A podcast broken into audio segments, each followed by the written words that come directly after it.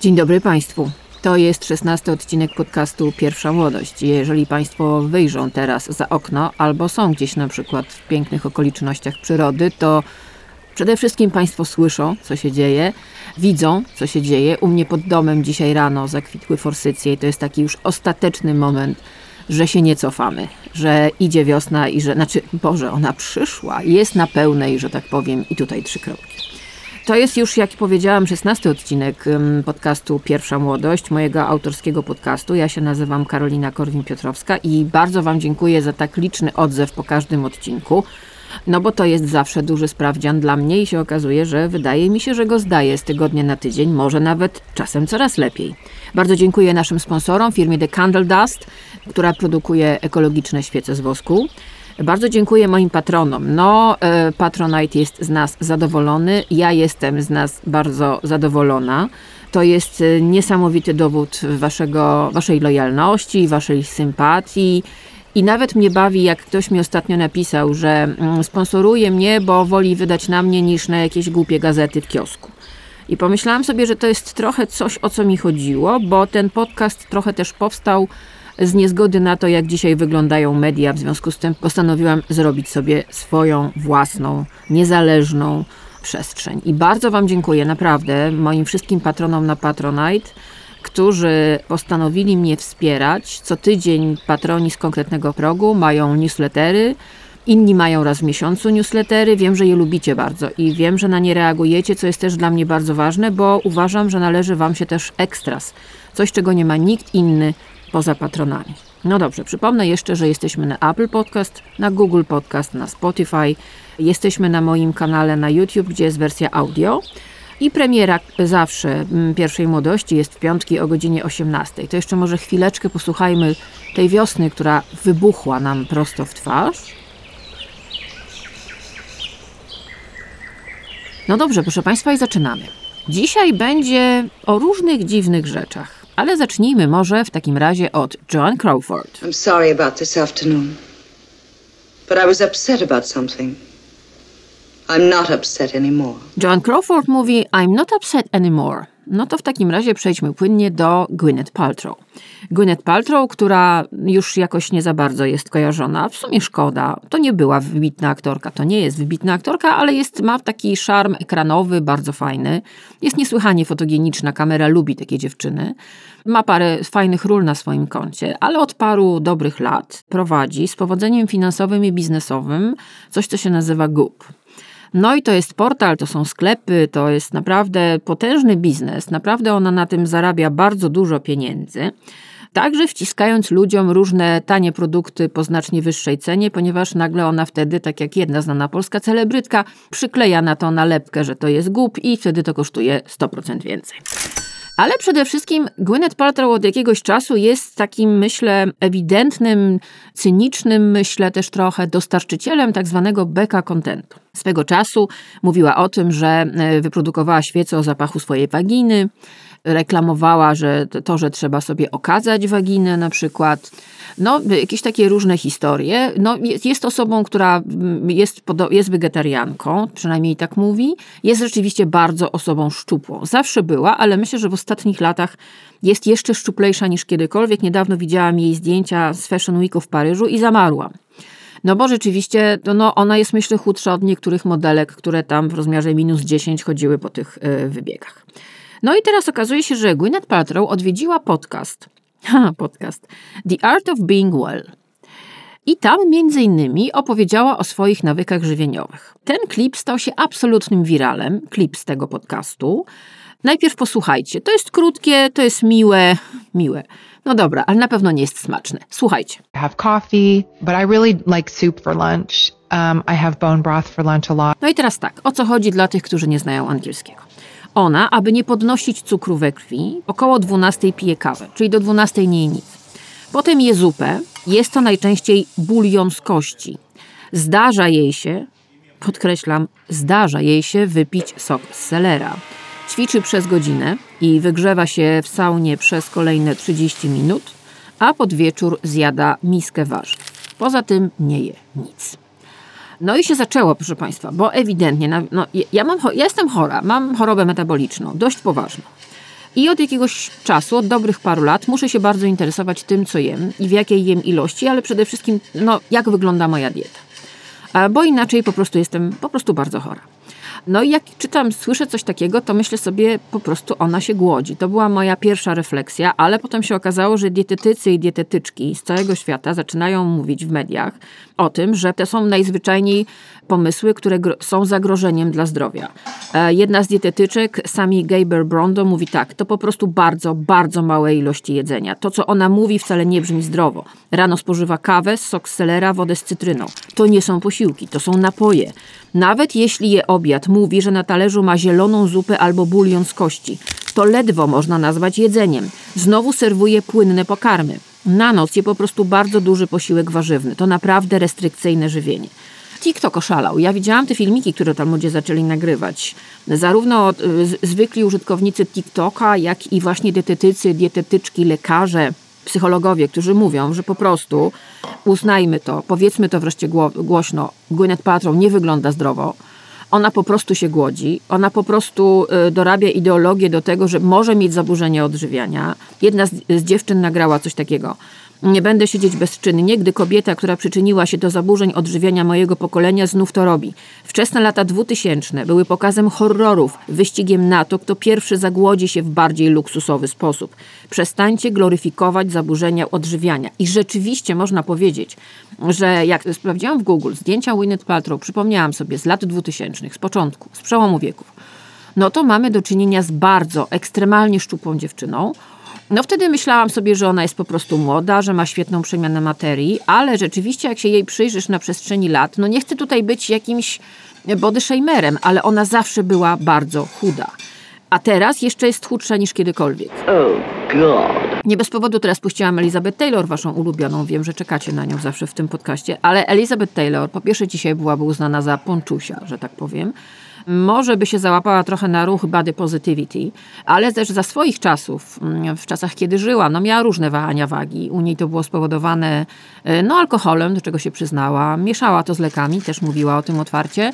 Mm, no i tym, że w pewnym momencie zajadała stres, ale rzeczywiście potrafiła się też wziąć za siebie, ale kosztowało ją to bardzo dużo. Ale zawsze była tak zwaną zdrowo wyglądającą dziewczyną, co na przykład kiedy była dziewczynką dorastającą, a dorastała w Hollywood które było delikatnie mówiąc niezbyt przyjaznym miejscem dla ludzi troszeczkę pulchniejszych, no to wpędzało ją to w mniejsze lub większe zaburzenia odżywiania. Ale teraz w ogóle myślimy sobie tak, no i mamy Gwyneth Paltrow, której sława, że tak powiem, e, rozlewa się po świecie znowu, nie za sprawą e, ról, które ma, tylko za sprawą delikatnie mówiąc, dziwnych nawyków żywieniowych, które, i tu się absolutnie zgodzę, no kolejna celebrytka, która mówi mi, co mam jeść, kolejna celebrytka, która jest bogatą kobietą, uprzywilejowaną, którą w razie czego stać nawet na to, żeby szybko pojechać do szpitala, uratować się. I ona mi mówi, że ja mam jeść po prostu bulion z kości. I że mam po prostu wypić sok z selera i, i kawę i to jest w ogóle super, hiper zdrowe. Nie, to jest bardzo niezdrowe. Ale tak sobie przy okazji pomyślałam, że myślę, że my jesteśmy trochę w takiej bańce. Ja na pewno byłam do pewnego momentu, że mi się wydawało, że świat rzeczywiście godzi się na body positivity. Czyli po latach wciskania ludziom jednego ideału piękna, w porywach do dwóch, poszliśmy w to, że rzeczywiście ludzie mają różne kształty, różne rozmiary, różne kolory skóry, że na przykład mają celulit, że mają fałdki, że ta skóra wygląda różnie. No, że po prostu jesteśmy otwarci na to. No bo jeżeli ja jestem otwarta, bardzo nawet, no to wydaje mi się, że wszyscy też są. Oj, Korwin, ty się weź puknij w ten stary, głupi łeb. Bo jak tak sobie teraz posprawdzałam, przygotowując ten podcast, między innymi obejrzałam sobie filmiki z pokazów na y, paryskim Fashion Weeku, który jak nawet sami krytycy modowi piszą, on w ogóle nie, nie zrozumiał o co chodzi w body positivity i on udaje, że się nic nie stało. Na przykład pokaz Niny Ricci, proszę Państwa, patroni dostaną link do niego. To jest kilkanaście minut bardzo ciekawego modowego greenwashingu, bo oczywiście pokaz zaczyna dziewczyna, która jest większa, czyli wygląda tak jak 90% kobiet na ulicy, czyli może mieć rozmiar 40-42 który oczywiście jest już plus size, żeby nie powiedzieć gruba według świata mody i nie udawajmy, że oni mówią inaczej. Ale zaraz po niej wychodzą na, na ten pokaz, na ten wybieg dziewczyny, które no myślę, że są w fanklubie Gwyneth Paltrow. I to takim naprawdę restrykcyjnym fanklubie Gwyneth Paltrow. Znaczy one przypominały mi czasy końcówki lat 90., kiedy heroin chic zaczął się pojawiać na wybiegach i te dziewczyny naprawdę, no teraz już wiemy, że niektóre z nich mydlały za kulisami. Do tego jeszcze dostały buty, których jedyne co można zrobić to złamać sobie nogę i oczywiście, jak napisały o tym media, kwintesencja kobiecości. Autentycznie. Dziewczyny, które ja bym najchętniej naprawdę zabrała do, do cukierni i powiedziała, dziecko, zjedz ty jakieś ciastko. I zaczęłam sprawdzać. I słuchajcie, jest niejaka Vanessa Friedman. Ona jest dziennikarką z New York Timesa. Jest tam szefową działu mody. I ona bardzo często pisze regularnie do New York Timesa. Pisze zresztą bardzo dobre rzeczy. I ona już jakiś czas temu zauważyła, że niestety, wbrew temu, co my myślimy, kult szczupłej sylwetki, wręcz wychudzonej, ma się doskonale. Tylko my po prostu tego udajemy, że nie ma. My wolimy zauważyć jedną dziewczynę plus size, która przejdzie przez wybieg i myślimy sobie, ale super, jesteśmy tacy inkluzywni. A że potem idą dziewczyny, które ostatni raz kawałek chleba widziały pół roku temu albo w ogóle od roku nie jadły, to już jest inna sprawa. I ona naprawdę to napisała. Tym bardziej, że ona to napisała po jednym z pokazów na nowojorskim Fashion Weeku jesienno-zimowym. I ona napisała o tym, że debata o tym, czy chudość może być znowu w modzie, powróciła. I ona mówi wprost: chudość ma się bardzo dobrze. Ten szokująco mały, jak ona nazwała, wygląd modelek w pokazie projektanta Jasona Wu był wręcz porażający. Ja sobie sprawdziłam ten pokaz i to naprawdę wyglądało bardzo źle. I ona w końcu powiedziała, no, że domy mody dalej udają, że nic się nie dzieje i są takie domy mody jak, jak Saint Laurent czy Celine, które dalej, i też to sprawdziłam i ona ma rację, dalej obsadzają prawie wyłącznie bardzo chude modelki. To takie naprawdę z takich najgorszych lat właśnie dwutysięcznych, gdzie dziewczyny głodziły się na śmierć, żeby być chudymi naraziła się dużej części branży, bo e, mimo tego, że napisała często o tym problemie, dopiero jak napisała tego taki słynny tweet w zeszłym roku, właśnie o tym no, nowojorskim Fashion Weeku, no to się zaczęło, niektórzy jej mówili, że jest hipokrytką, ale że na przykład właśnie, że ona też jest częścią tego i dlaczego ona zauważa jednych projektantów, którzy za, y, zatrudniają chude modelki, a innych nie. Przepraszam, kogo to obchodzi? No po prostu widać, że dziewczyny, które y, są na przykład w pokazach bielizny, o czym Friedman pisze, no po prostu widać, że te, te majtki na nich po prostu wiszą i nie ma kobiet na ulicy w rzeczywistości, które by tak wyglądały. Znaczy to zaczyna zwracać mimo tego, co my myślimy, do tych fatalnych lat, gdzie no, anoreksja była wręcz trendy. Oczywiście nie nazywano tego anoreksją. Nie, nie, tego oczywiście nikt tak nie nazwie. Oni powiedzą, że to jest dbanie o siebie. Oni powiedzą, że to jest dobrostan. Oni powiedzą, że to jest myślenie o swojej przyszłości, o zdrowiu. To jest wszystko, wszystko zawsze chodzi o zdrowie.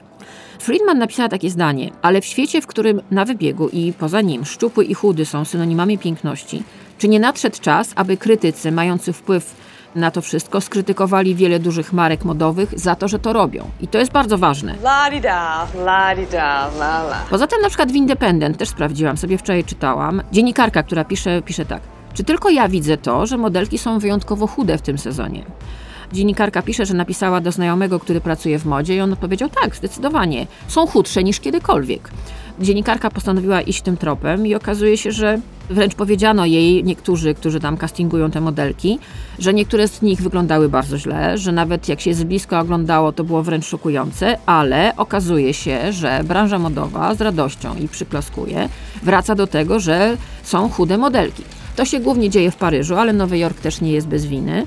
Ewidentnie, jak zaczęłam oglądać te pokazy, to mam takie wrażenie, że rzeczywiście to jest tak jak z tym pokazem Niny Ricci, że wsadzimy do tego pokazu dwie, trzy dziewczyny troszkę większe, żeby nie było, że się obrażamy na dziewczyny troszkę większe. Dajemy im oczywiście sukienki, które wyglądają jak namioty, no ale dajemy dziewczyny plus size, więc jesteśmy tacy inkluzywni, ale pomiędzy nie, w większości pokazu chodzą dziewczyny, które no, na pierwszy rzut oka widać, że nie jedzą, albo głównie odżywiają się tak jak Gwyneth Paltrow, czyli nie odżywiają się prawie wcale. Ale oficjalnie jesteśmy bardzo inkluzywni i oficjalnie wszystko body positive, kochamy wszystkich. Aha, jeszcze ważne, żeby dziewczyny były różnokolorowe, no bo to rzeczywiście się zmieniło i to rzeczywiście jest modne. I to jest super, że rzeczywiście, Boże, cóż za fantastyczne spostrzeżenie. W 2023 roku zauważyliśmy, że na świecie są ludzie o różnym kolorze skóry. No ale to i tak dobrze, bo kiedyś tego nie było. Ale jeżeli chodzi o różne kształty, no to powiem Wam poruta, więc nie dziwmy się, że Gwyneth Paltrow mówi to, co mówi, bo ona jest też e, fashion victim. Ona jest zapraszana między innymi na paryski Fashion Week. E, no i co ona może ma powiedzieć, że jej ciastka? No błagam Was. I want you to think I'm a drinker. I can stop anytime I want to, only No właśnie, Marilyn Monroe przed chwilą mówi o piciu, ale też to była aktorka, wielka gwiazda, wiemy, symbol seksu, co ją zresztą bardzo nie, nie lubiła tego określenia, ale też miała problemy z wagą i miała też zaburzenia odżywiania, na to wpływ wynika z z jej zapisków i z tego, co ludzie mówią. Ona pod koniec życia, kiedy podjęła próbę wielkiego powrotu, no ewidentnie schudła, bo jej zarzucano to, że jest jej za dużo. Ona miała też problemy z lekami i alkoholem. Miała też, myślę, takie kompulsywne jedzenie, to Frank Sinatra o tym mówił, że ona potrafiła rzucić się na jedzenie. No podejrzewam, że stres i wszystko, ale dzisiaj uznana byłaby za osobę plus size. Ale właśnie, a propos plus size'ów. I a propos, punktem wyjścia, przypominam, jest nieszczęsna Gwyneth Paltrow. Mamy okładkę brytyjskiego Woga. W ogóle brytyjski Vogue to jest bardzo fajna gazeta, bo te wszystkie Wogi wiecie jakie są. No takie oderwane od świata, ale brytyjski i moim zdaniem skandynawski są naprawdę wybitne. Jeszcze czeski jest świetny. Patroni, od razu mówię, dostaną link do tej okładki i dostaną link do tego artykułu, ponieważ na okładce, na kilku okładkach, ponieważ brytyjski Vogue zrobił kilka okładek, występują trzy kobiety, których nazwiska trzeba zapamiętać i które wbrew temu, co się dzieje na przykład na paryskim Fashion Weeku, no mają ciało. Mają, jak jedna z nich mówi, cycki. Druga mówi, tak, mam dupę i to jest moja dupa. Nazywają się Paloma Elseser, Precious Lee i Jill Cortleve. I mówi się o nich wręcz y, w opisie do brytyjskiego Woga, że to jest nowy rodzaj supermodelek. Te dziewczyny są po prostu większe. Zdjęcia zrobiła, zrobił im duet Ines i Vinoch. Są świetnie wystylizowane i okazuje się, że te dziewczyny, które no, są znakiem zmiany kulturowej jednak, pokazują, no, że dziewczyny, na, które wyglądają jak 90 parę procent kobiet na ulicy, mogą wylądować na okładce Woga. Są w różnym wieku, są teraz wszechobecne. Okazuje się, że jak przeczytałam, mają bardzo dużo kampanii reklamowych, są na billboardach, są w, ga w gazetach, ich Instagramy po prostu to jest też rzeczywiście nośnik konkretnej wiedzy i rzeczywiście body positivity. Czytam o tych dziewczynach i to są dziewczyny, które no, każda z nich doświadczyła w swoim życiu jakiegoś, jakiejś nietolerancji ze względu na wygląd. Na przykład jedna z nich mówi: Zawsze myślę o tej 15-letniej dziewczynie, która siedzi w swojej sypialni w Milwaukee i która potrzebuje zobaczyć w mediach kogoś z cyckami lub, w brzuche, lub brzuchem. I mówi tak: Chcę, żeby wiedziała, że możemy być szykowni, piękni i fajni, i żeby zobaczyła wszystkie możliwości i żeby się nie bała. I każda z nich to mówi, że jej dzieciństwo i ich dorastanie było trudne, ponieważ no, okazało się, że są trochę większe, nie dawało się schudnąć, niektóre z nich nie chciały, i okazuje się też, że oczywiście padały ofiarą wyśrubowanych standardów piękna, które oczywiście, no, y, my niby udajemy, że nas to nie dotyczy, ale szczególnie kiedy one są też do tego kolorowe, no to już w ogóle wygląda na to, że dziewczyna kolorowa, która jest trochę większa, była totalnie spalona w świecie mody. To się teraz powolutku, ale powolutku zmienia. I każda z nich mówi, że chce stworzyć jakąś przestrzeń dla innych kobiet i chce pokazać, że rzeczywiście no, to, to, że, to jak wyglądasz nie powinno determinować tego, czy nie możesz wylądować na okładce Woga. Notabene brytyjski Vogue w czasie pandemii, to Państwu przypominam, zrobił fenomenalne okładki, mm, na których były e, osoby pracujące wtedy przy pomocy ludziom, między innymi, o ile pamiętam, była tam pielęgniarka, w swoich codziennych ubraniach i to był taki, myślę, dowód na to, że brytyjski Vogue myśli rzeczywiście inaczej. No i te dziewczyny, te trzy modelki na okładce brytyjskiego Voga, no, stają się ikonami i jedna z nich mówi, Kortlew mówi tak, dorastałam w latach 90., które były najprawdopodobniej najbardziej toksycznymi latami w modzie. I to jest bardzo ciekawe, ponieważ lata 90. powszechnie uchodzą za takie, boże, to był czas supermodelek, właśnie te dziewczyny, które miały pupę, czyli po prostu troszeczkę coś tam na tej pupie było. A tutaj się okazuje, że dziewczyny, które wtedy dorastały, mówią, że one były absolutnie body shamingowe i nietolerancyjne. I Kortlewe mówi tak, ona jest z Holandii, a tak naprawdę pochodzi z Surinamu i ona z tej chwili bez Kortlewe nie odbywają się praktycznie żadne europejskie pokazy. I ona mówi tak, jedyne obrazy, jakie można było zobaczyć, zwłaszcza w Holandii, przedstawiały blondynów, niebieskookich i niewiarygodnie szczupłych ludzi. I jeżeli to wszystko, co widzisz, widzisz dookoła siebie, zaczynasz myśleć, że to jest jedyna definicja piękna. No i się okazuje, że rzeczywiście ona mówi wprost też dalej. Na początku lat 2000, kiedy gibkie sylwetki kobiet, takich jak Giselle Bündchen i Alessandra Ambrosio, były okrzyknięte jako zaokrąglone, no to zaczynamy się zastanawiać, ktoś oszalał. Niedawno jedna z moich followerek na Instagramie, notabene też patronka, napisała mi, dobrze, pani Karolino, ja mam rozmiar 38, czasami mam 40, ale okazuje się, że jestem plus size. Ja jej odpisałam, tak, według świata mody jesteś plus size. Ja też mam 40, 42, w związku z tym dla świata mody czasami jestem upasioną świnią. I przestańmy udawać, że oni tego tak nie widzą po prostu. No i dalej e, e, jedna z modelek, Kortlewe, mówi tak. Pamiętam, że podczas moich pierwszych sezonów patrzyłam na swoje zdjęcia na wybiegu i myślałam, dlaczego wyglądam inaczej niż inni. Porównywałam się nieustannie z innymi dziewczynami, zastanawiając się, dlaczego czuję się nie na miejscu. I zdałam sobie sprawę, że to dlatego, że przez lata nie widziałam nikogo na wybiegu, kto wyglądałby tak jak ja. Bardzo ciekawa jest ta opowieść z tymi dziewczynami. Trzy modelki kolorowe na okładce brytyjskiego Woga, które dają nam taką nadzieję, że może jednak z tym body positivity to nie jest taka tylko medialna ściema i taki greenwashing, który nam jest ładowany, bo mam wrażenie, że oczywiście firmy czują, co się dzieje, widzą, że klientki stają się coraz bardziej świadome i wiedzą, że to jest jeden wielki po prostu biznes, ale chcę też wierzyć, że coś się tam w tym świecie mody zaczyna rzeczywiście zmieniać, a nie tylko dla picu, ale obawiam się, że niestety długa, długa walka przed nami. Patroni z Patronite'a oczywiście dostaną tą okładkę z LSSR, Kortlewe i Lee, które też do końca mówią tak, nikt z nas nie jest dzieckiem. Weszłyśmy do tej branży jako dorosłe kobiety, to jest też bardzo ważne, że one przed modą pracowały w innych zawodach. Miały zupełnie różne doświadczenia życiowe i wiedziały, kim są. No i rzeczywiście trafiły do agencji modowych i zrobiły świetne wrażenie, i okazuje się, że teraz rzeczywiście robią karierę. And after you shot him, how did you feel then? Hungry. No proszę Państwa, ta pani, którą usłyszeliście przed chwilą, to jest Catherine Hepburn z filmu Żebro Adama, która zresztą była, Catherine Hepburn, uznawana za zbyt chudą, tak, za zbyt chłopięcą. Nawet posądzano ją o biseksualizm, e, bo była miała chłopięcą sylwetkę, naprawdę. No i ona w filmie Żebro Adama, notabene bardzo dobrym, niedawno go sobie oglądałam i on się naprawdę nic nie zestarzał, gra prawniczkę, która broni kobiet. To jest też taki bardzo, powiedziałabym, feministyczny film. No i porozmawiajmy w związku z tym jeszcze o pogłodzeniu się w świetle reflektorów. Jest niejaka Lily Reinhardt, która jest aktorką, która gra w serialu telewizyjnym Riverdale. I ona w zeszłym roku, dlaczego o tym mówię, ale zacznijmy. Od 3 maja dokładnie w zeszłym roku na Instagramie napisała na bardzo mocny post. On się odnosił, nie, tam nie padło nazwisko, ale wtedy odbywała się Met Gala, która zresztą będzie za chwilę znowu w Nowym Jorku, czyli Wielkie Święto Mody. Wielkie Święto Mody, na które zapraszają Anna Wintour, y, osobiście zaprasza różnych celebrytów, którzy po prostu przechadzają się po czerwonym dywanie. I to jest życie święto sztuki, mody, kreacji. Absolutnie super fajna sprawa. Ale na tej gali, mm, Met Gali w zeszłym roku pojawiła się Kim Kardashian, czyli najsłynniejsza celebrytka świata. Wiadomo, ona miała na sobie suknię zabytkową, suknię, którą miała na sobie Marilyn Monroe podczas tego, gdy śpiewała Happy Birthday to You, Mr. President na urodzinach prezydenta Johna Kennedy'ego. Suknia absolutnie ikoniczna. No, rozmiar Kim Kardashian i rozmiar Marilyn Monroe to nie jest body shaming, co ja teraz uprawiam, ale delikatnie mówiąc jest inny. Ale okazuje się, że Kim Kardashian wcisnęła się w tę sukienkę.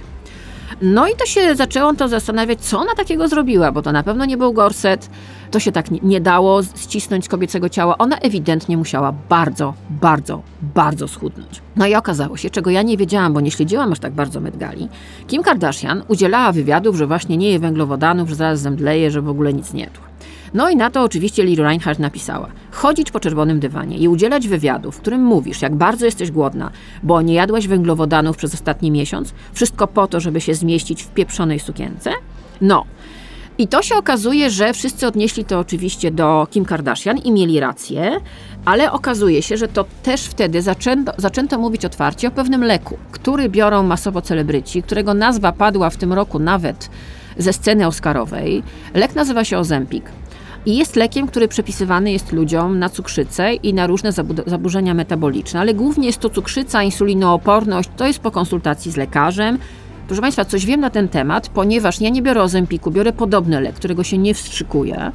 I to jest lek, gdzie jeżeli jesteś chory, czyli lekarz ci to przepisuje na podstawie bardzo szczegółowych badań, glukozy, cukru, wszystkiego, cholesterolu, i rzeczywiście idziesz do lekarza i on cię bada, to on, lekarz może ci to przepisać. Są teraz, jest, pojawiło się kilka takich leków, które my czytamy o nich, że hamują łaknienie, co jest nieprawdą, bo ja biorę jeden z takich leków i on nie hamuje łaknienia, ale dla ludzi chorych, a ja jestem osobą chorą, jest zbawieniem.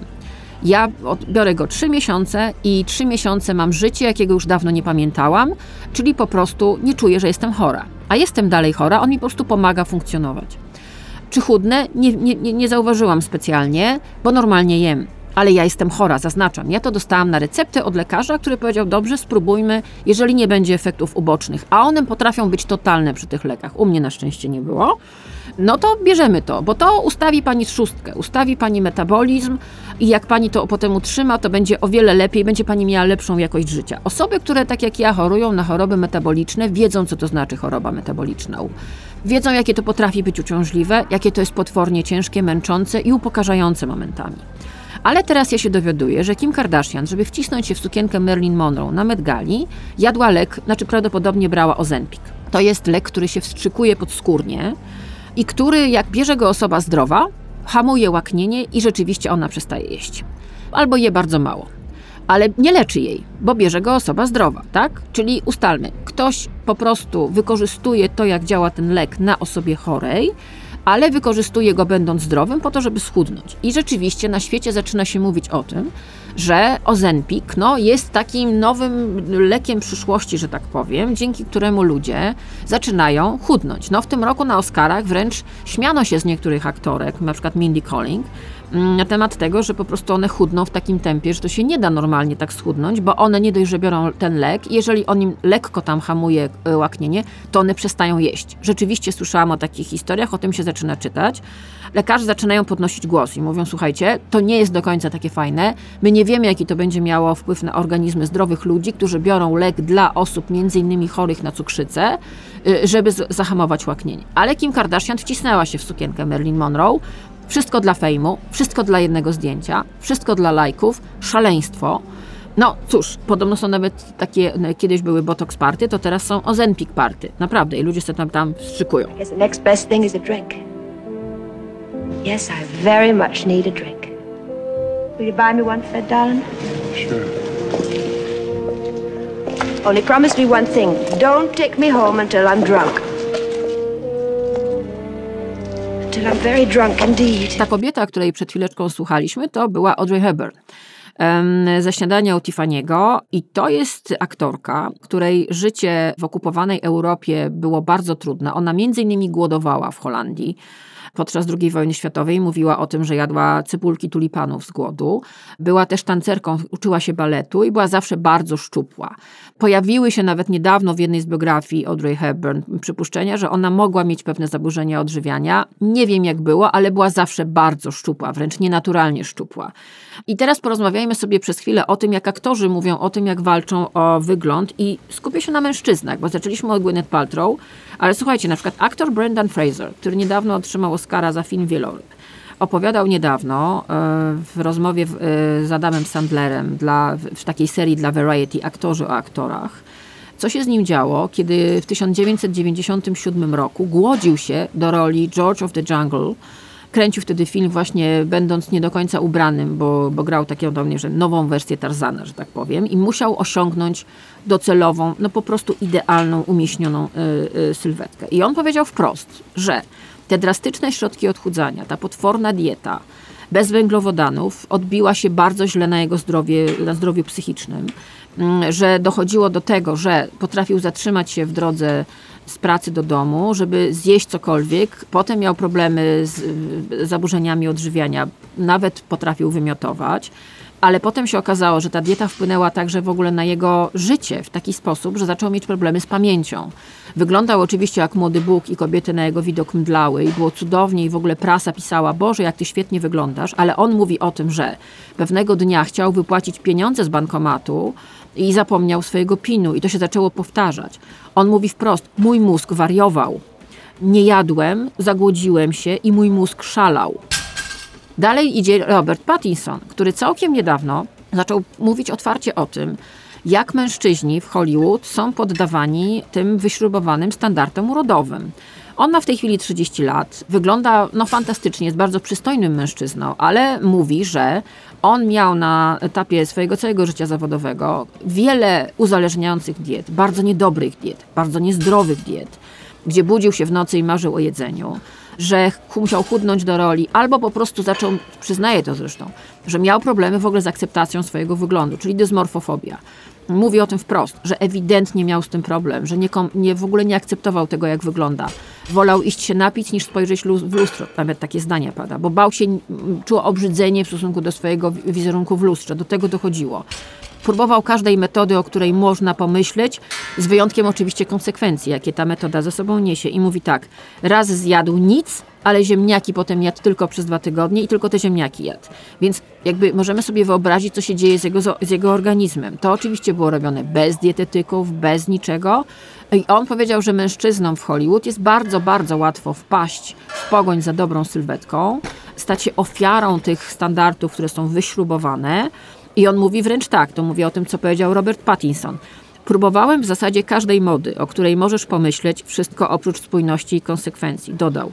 Kiedyś jadłem tylko ziemniaki przez dwa tygodnie jako detoks. Tylko gotowane ziemniaki i posypywane różową himalajską solą.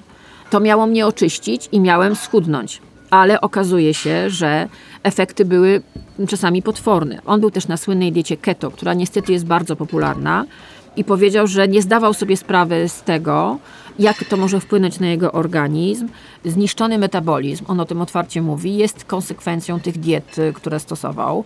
I poza tym jeszcze on mówi jednej rzeczy, że mamy przymus ćwiczenia wśród mężczyzn w Hollywood. Ja myślę, że w Polsce to się też już dzieje, że trzeba ćwiczyć, bo jak nie ćwiczysz, to nie jesteś fit, a jak nie jesteś fit, to nie jesteś modny, a musisz być modny i musisz wyglądać świetnie, czyli jest takie zamknięte koło. I on mówi wprost o tym, że też z tym, się, z tym się czuł źle i że wtedy ewidentnie wyczuł, i zresztą ma zdiagnozowaną dysmorfofobię, która prowadzi do tego, że on jest permanentnie w napięciu, polegającym na tym, że zastanawia się, jak ludzie go odbiorą, jak on wygląda. Nie, już kompletnie nie interesuje go, jakim jest człowiekiem, tylko boi się, jak ludzie odbiorą jego wygląd. Stąd się bierze to jego ubieranie, takie, które no, czasami się przykrywa, ewidentnie chce się zakryć, chce się okryć. Billie Eilish też o tym mówiła, że w pewnym momencie miała też problemy z akceptacją swojego ciała i dlatego nosiła te ubrania, bo nie chciała, żeby ktokolwiek widział, co jest pod spodem i w ogóle nawet domyślał się. I dzisiaj Pattison mówi tak, nie mam sześciopaku, nienawidzę chodzić na siłownię, przez całe życie robiłem to, czego ode mnie wymagano, ale otwarcie mówi, że ma dysmorfofobię, czyli to jest poważne zaburzenie. Dysmorfofobia to jest niezgoda na swój wygląd. Mają ją na przykład ludzie, którzy są uzależnieni od operacji plastycznych, bo cały czas widzą w, w lustrze, tak jak właśnie Pattinson mówi, wolę się napić niż spojrzeć w lustro i rzeczywiście wi- widzą kogoś, kto jest brzydki chcą cały czas coś poprawić. You go. Where shall I go? What shall I do? Frankly, my dear, I don't give a damn. I don't give a mówi Clark Gable do Vivian Lee w Przeminęło z wiatrem, fragment filmu z 1939 roku. Vivian Lee też swego czasu wolała napić się alkoholu zamiast zjeść, co się dla niej skończyło mm, bardzo źle. No to będzie teraz, proszę Państwa, o jedzeniu. Będzie teraz o jedzeniu, bo prosicie mnie też zresztą o przepisy. To są moje własne przepisy, słuchajcie. Ja nic nie, nie, nie, jakby nie kombinuję. Idzie e, Wielkanoc, idą sałatki warzywne. No więc prosty przepis na sałatkę warzywną. Y, Kupujemy marchew, seler, ogórek kiszony, mamy groszek z puszki, cebulę. Jak kto lubi, jedni lubią bardziej wytrawną, inni lubią słodką. Ja wolę tą słodszą. Jabłka, takie do sałatki. To zależy jak kto lubi. Ja wolę te twardsze. Oliwa, sól, pieprz, cytryna. I teraz tak, gotujemy marchew i seler osobno. E, Ja zawsze dodaję oczywiście sól, ale też dodaję troszkę masła. Do gotowania seleru też troszeczkę cukru. Ogórek kiszony obieramy albo nie obieramy, jak kto lubi, ale kroimy bardzo drobno. Groszek oczywiście od, od, odlewamy z wody. Cebulę kroimy też bardzo drobno. Jabłka obieramy i kroimy w taką drobną kosteczkę. Wrzucamy to wszystko pokrojone, wszystko kroimy bardzo drobno. Wrzucamy to wszystko do miski, dużej miski.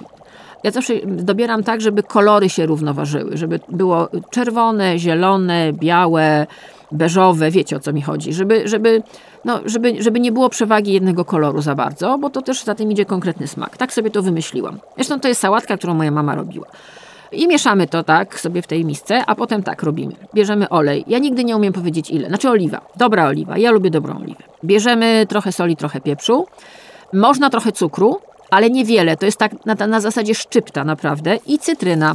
Cytrynę To zależy, jak kto lubi. U mnie na taką średniej wielkości michę takiej sałatki idzie połowa cytryny, ale drugą połówkę mam w w zapasie.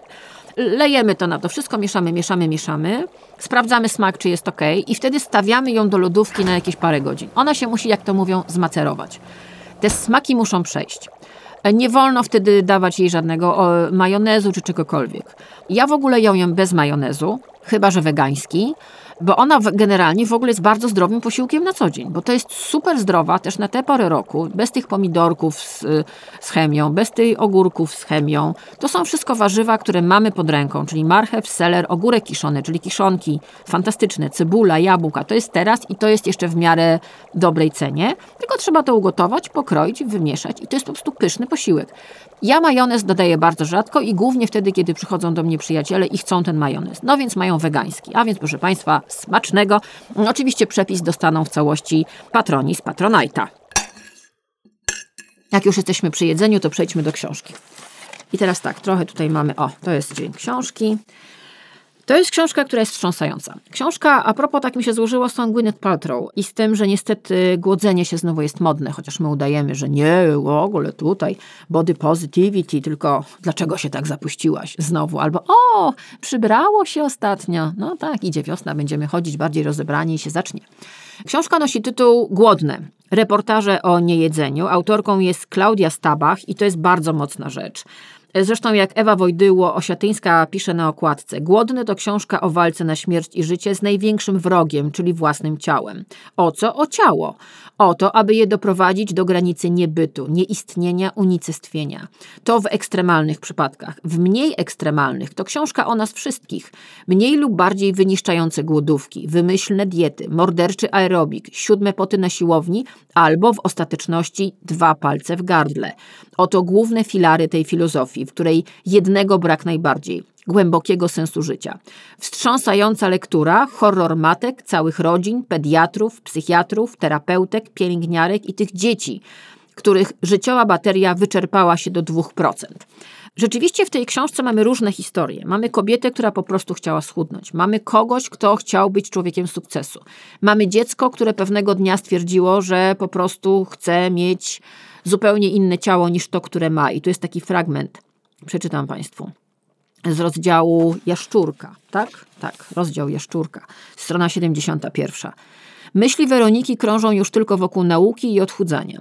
Pomija posiłki, liczy każdą kilokalorię, sprawdza wszystkie etykiety, waży się kilka razy dziennie, ogranicza picie wody, zaczyna chodzić na długie, intensywne spacery z psem.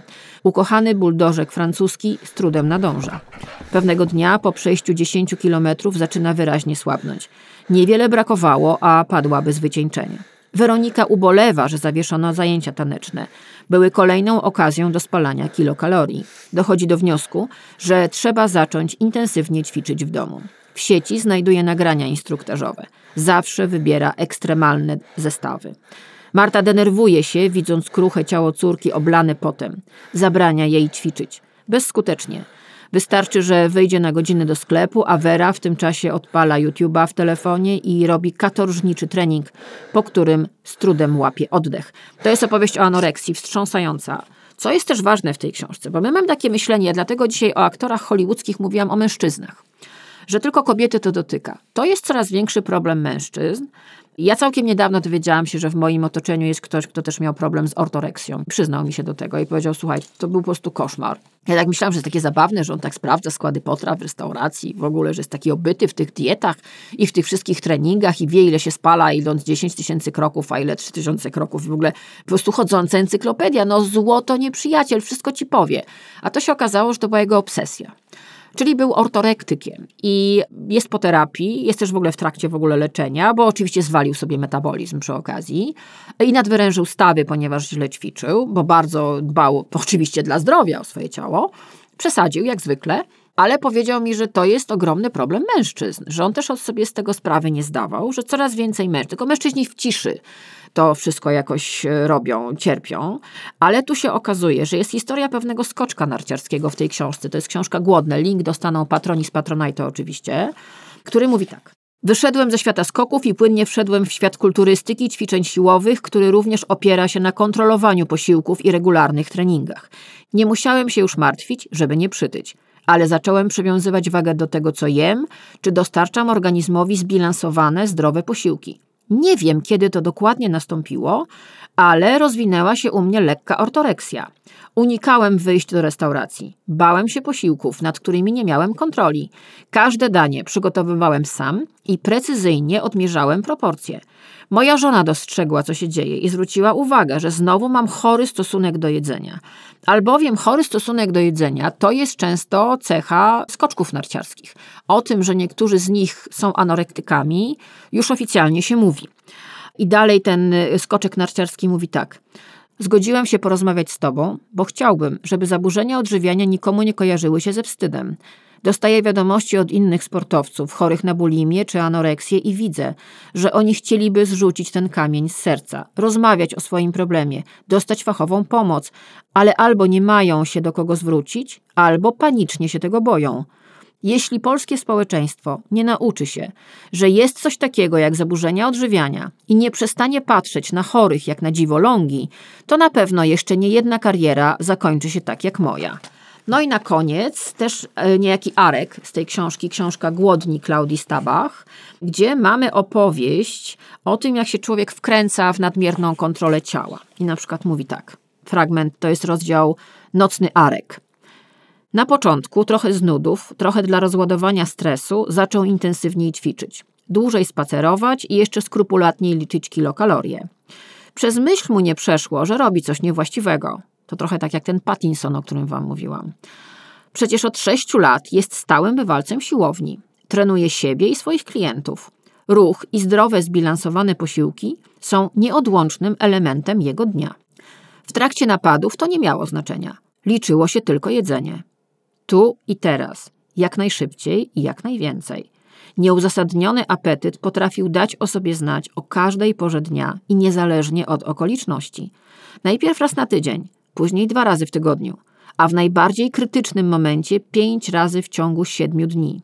Swoje stany nazywał Arek cugami, bo potrafiły trwać po kilka godzin, a po tym wszystkim nie radził sobie z wyrzutami sumienia i stawiał się w jednym rzędzie z alkoholikami.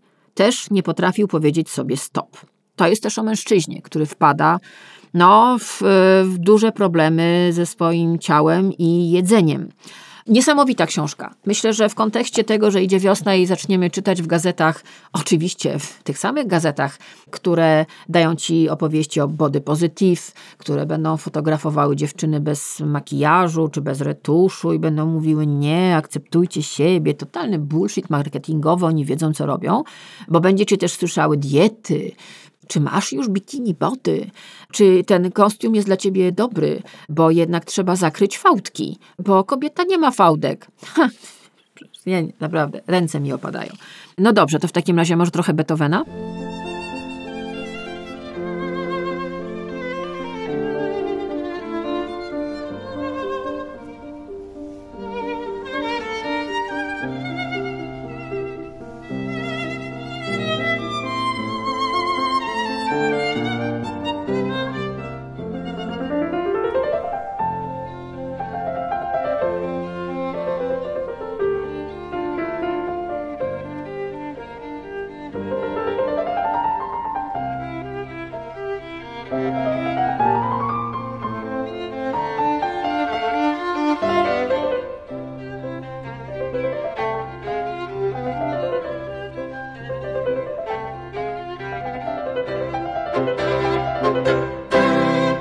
Była sonata numer 5, opus 24 Ludwika van Beethovena, czyli wiosna. Tak, pan postanowiłam, bo ktoś do mnie napisał, pani Karolino, więcej muzyki klasycznej. Voilà, to był Beethoven.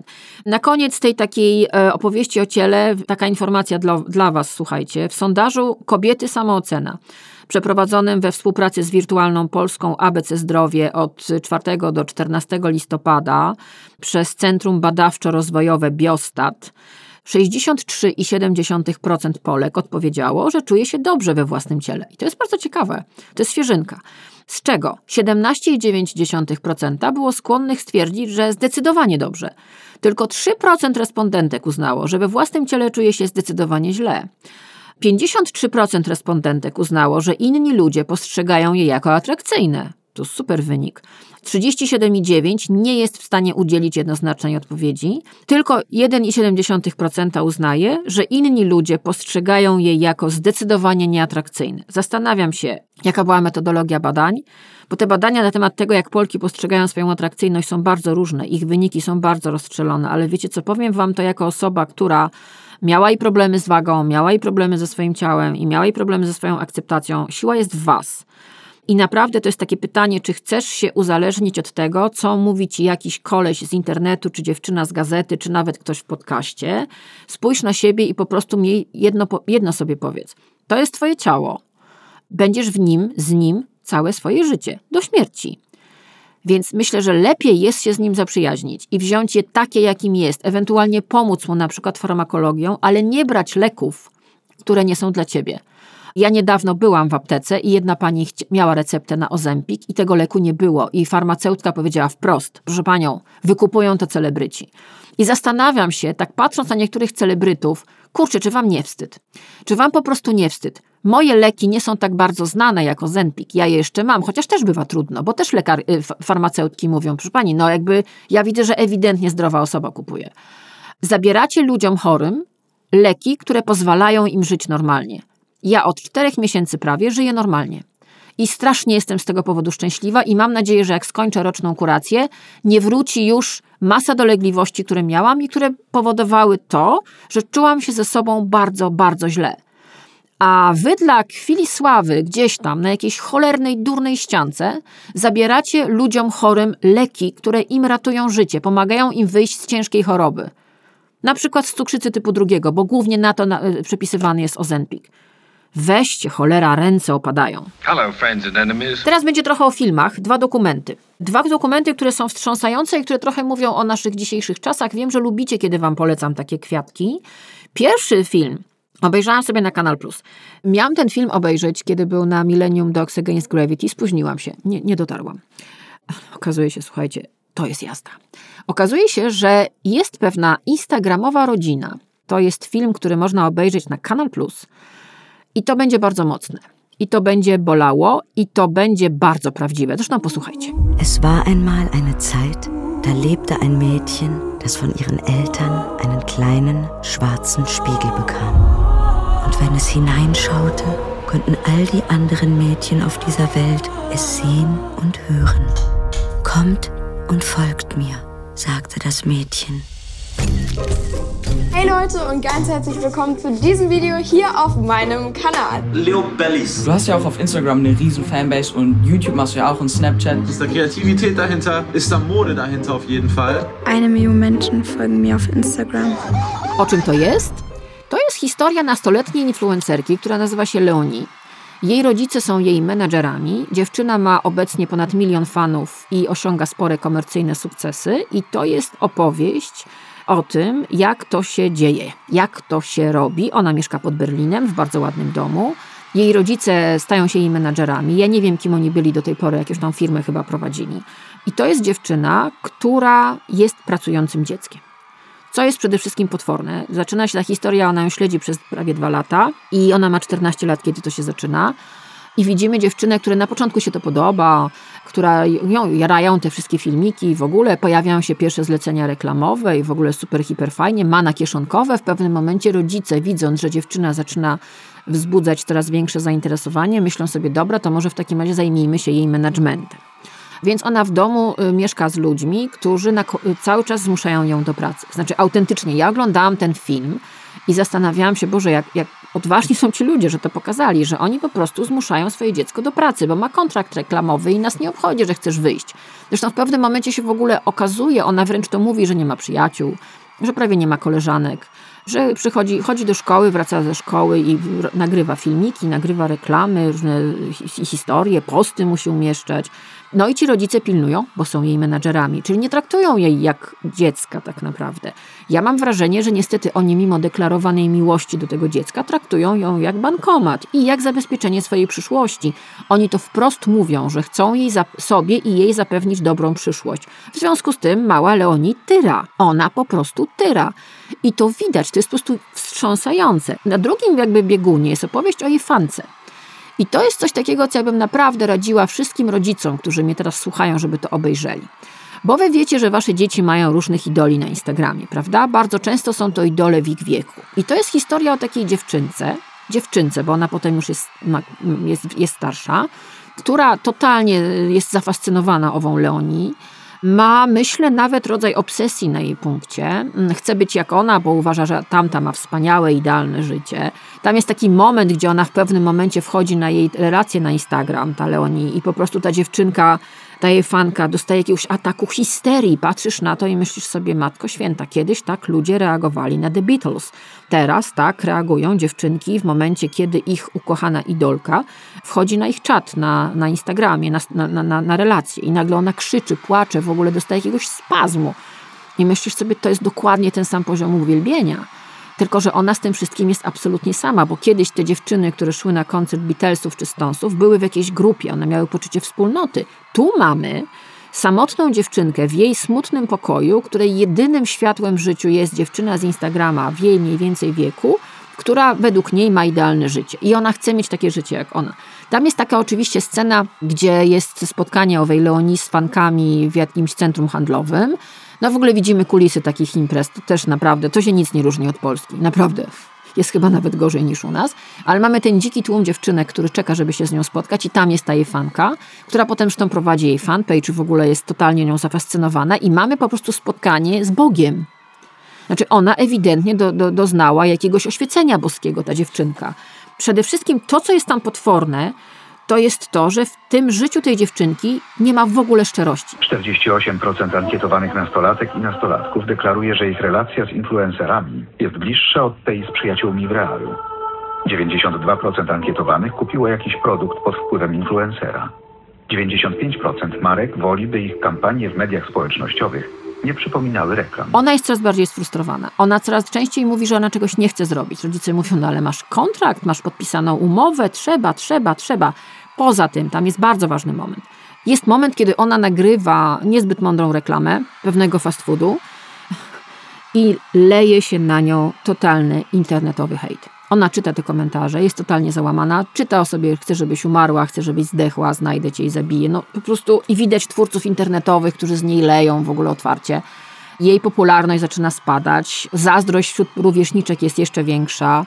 I ona samotna w tym pokoju, w tych lampach dookoła, bo jakby cały czas prowadziła jakieś dziwne Truman Show, czyta te komentarze i myślisz sobie, dziecko, po prostu włącz te lampy, wyjdź z tego domu, po prostu idź na spotkanie z koleżankami. To jest po prostu niesamowite. I cały czas równolegle jest prowadzony ten wątek tej jej fanki, która po prostu chce być jak ta Leonie. Nie powiem wam, jak to się kończy, ale to jest historia, która dla mnie jest absolutnie wstrząsająca i która mówi o tym, jak młodzież podchodzi do idoli z sieci i kim są dzisiaj idole z sieci. To naprawdę rozwala i pokazuje że te dzieciaki, które dorastają, bo tam w pewnym momencie jej rodzice mają taką e, refleksję, no co będzie, jak ona dorośnie, tak? Będzie miała 18 lat, będzie mogła podejmować samodzielnie decyzje. Oni się tego boją. Mało tego, ci rodzice przy niej stali się influencerami i nagrywają tak samo krytyńskie filmiki reklamowe jak ona. Żyją z tych wszystkich kodów, kodzików, ze sprzedaży tych różnych rzeczy. Tam jest cały merch, który ona ma.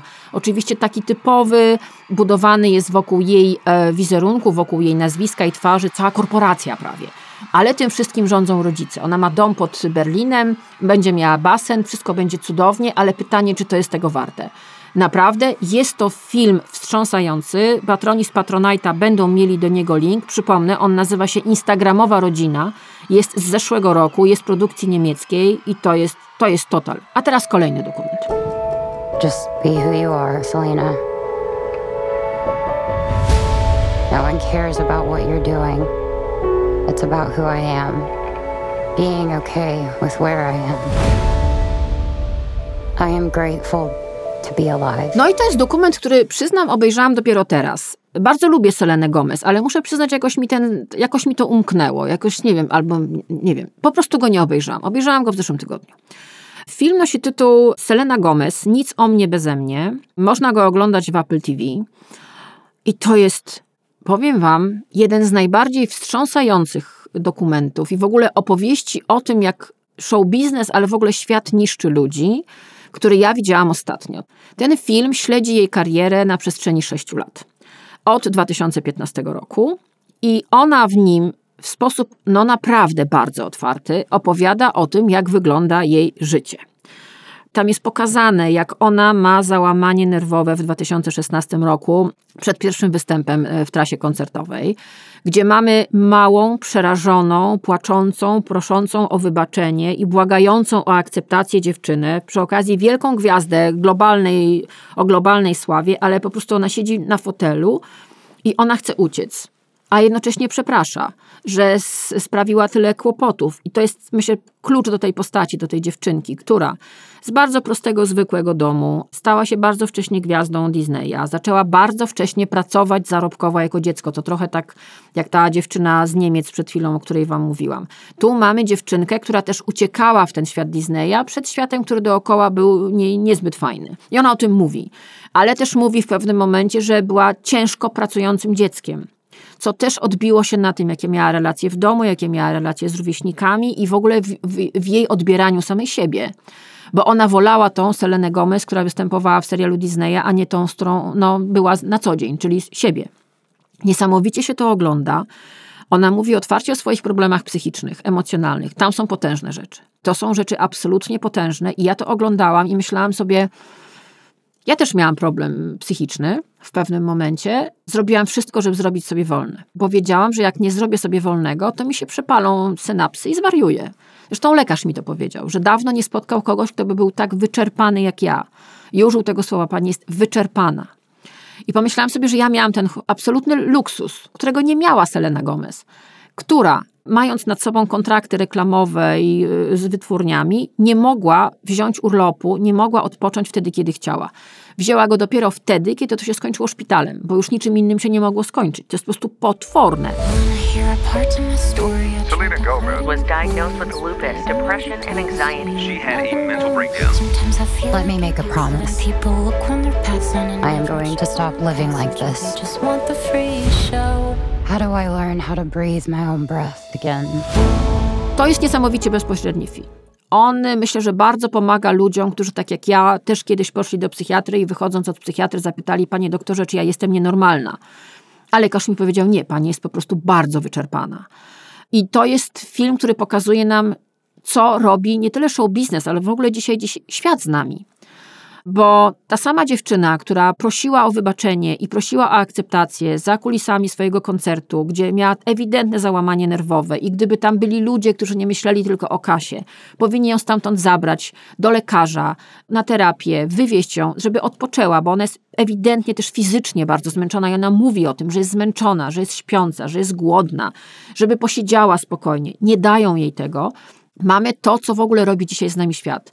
Ona potem jedzie do miejsca swojego, gdzie, gdzie dorastała, odwiedza swoją szkołę po latach, idzie tam, ma jedną przyjaciółkę, z którą zna się całe życie i to jest taka fajna relacja, widać, że one się bardzo lubią i że ona się zupełnie inaczej zachowuje z tą dziewczyną, niż kiedy jest na przykład przed kamerami. To jest też dziewczyna, której życie prywatne, związek z Justinem Bieberem, no, był ulubionym tematem mediów plotkarskich i nie tylko plotkarskich, to ten film to pokazuje, że cała Ameryka mówiła o tym związku, cały świat mówił o tym związku, czyli cały świat siedział u niej w sypialni, siedział w jej majtkach, siedział w jej głowie, siedział w jej szafie. I ona o tym mówi. To też jest potworne, kiedy my sobie zdajemy sprawę, że niestety my też żyjemy życiem tych ludzi, że tam jest żywy człowiek. Tam jest ta Selena Gomez, która jest strasznie fajną dziewczyną. Ja ją uwielbiam w serialu kryminalnym Only Murders in the Building. Uwielbiam ją tam i uważam, że ona ma bardzo fajny talent komediowy i podoba mi się tam strasznie. Ma tam tuzów naprawdę y, światowej sławy. No teraz będzie grała u boku Meryl Streep na miłość boską. I wszyscy mówią, że ona jest super. Ja ją w ogóle lubię, lubię jej piosenki. Uważam, że ma fajną energię, ale obejrzałam ten dokument i mówię wam, miałam ogromną ochotę znowu ją przytulić. Bo mam dziewczynę, która stała się ofiarą nas wszystkich. Że my nawet ją lubiąc i czasami czytając o niej coś w internecie, dokładamy cegiełkę do tego, że jej znowu może wrócić jakaś psychoza. Ona otwarcie mówi, tam też ludzie z jej otoczenia mówią o tej psychozie, w którą ona wpadła, którą ona miała, na którą ona cierpiała. To jest taki okres, którego trochę ten film stara się nie poruszać, gdzie ona była w szpitalu. No, była w szpitalu psychiatrycznym, bo było z nią bardzo źle. Tam jest takie zdjęcie pokazane, jak ona leży na scenie które jest ilustracją no, tego, co się z nią działo, słuchajcie. To jest niesamowita dziewczyna, to jest bardzo fajna dziewczyna. Ona otwarcie mówi, co zresztą też się nie podoba niektórym jej współpracownikom, jej managementowi o swoich, swoich problemach psychicznych, ale ja pamiętam ten moment, kiedy ona to powiedziała, że ma problemy. Powiedziała to otwarcie.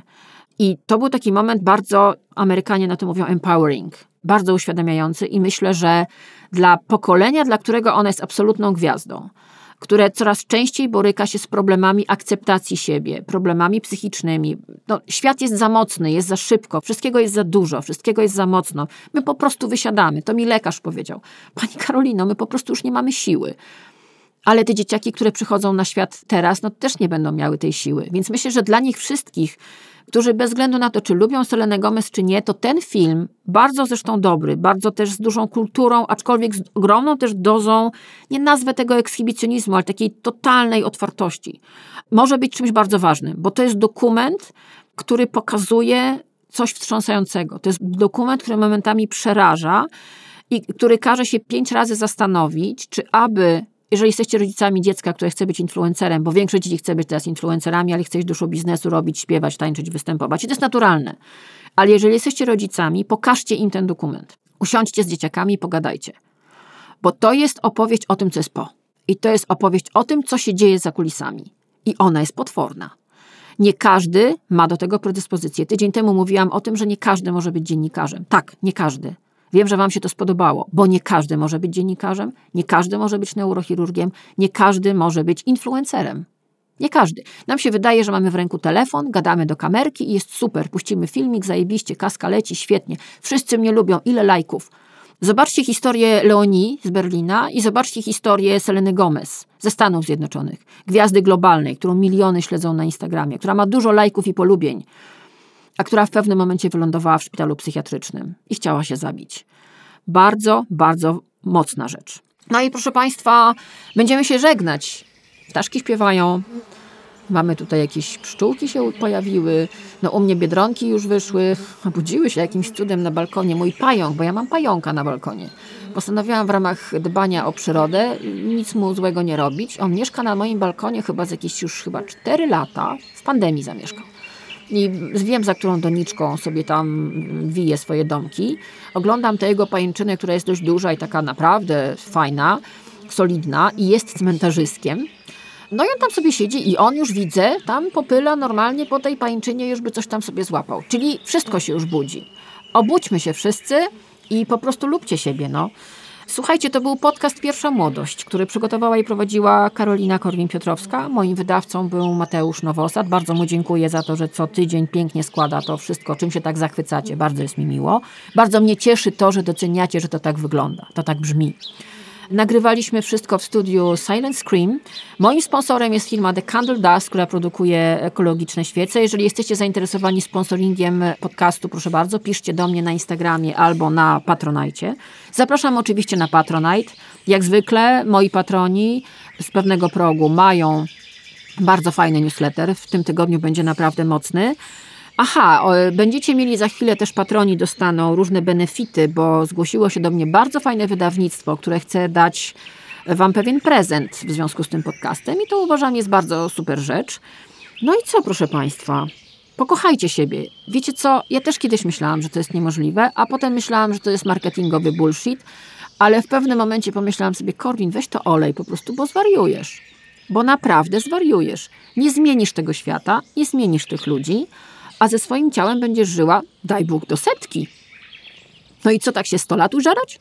Nie, no to jest bez sensu. Ludzie, naprawdę, bez sensu.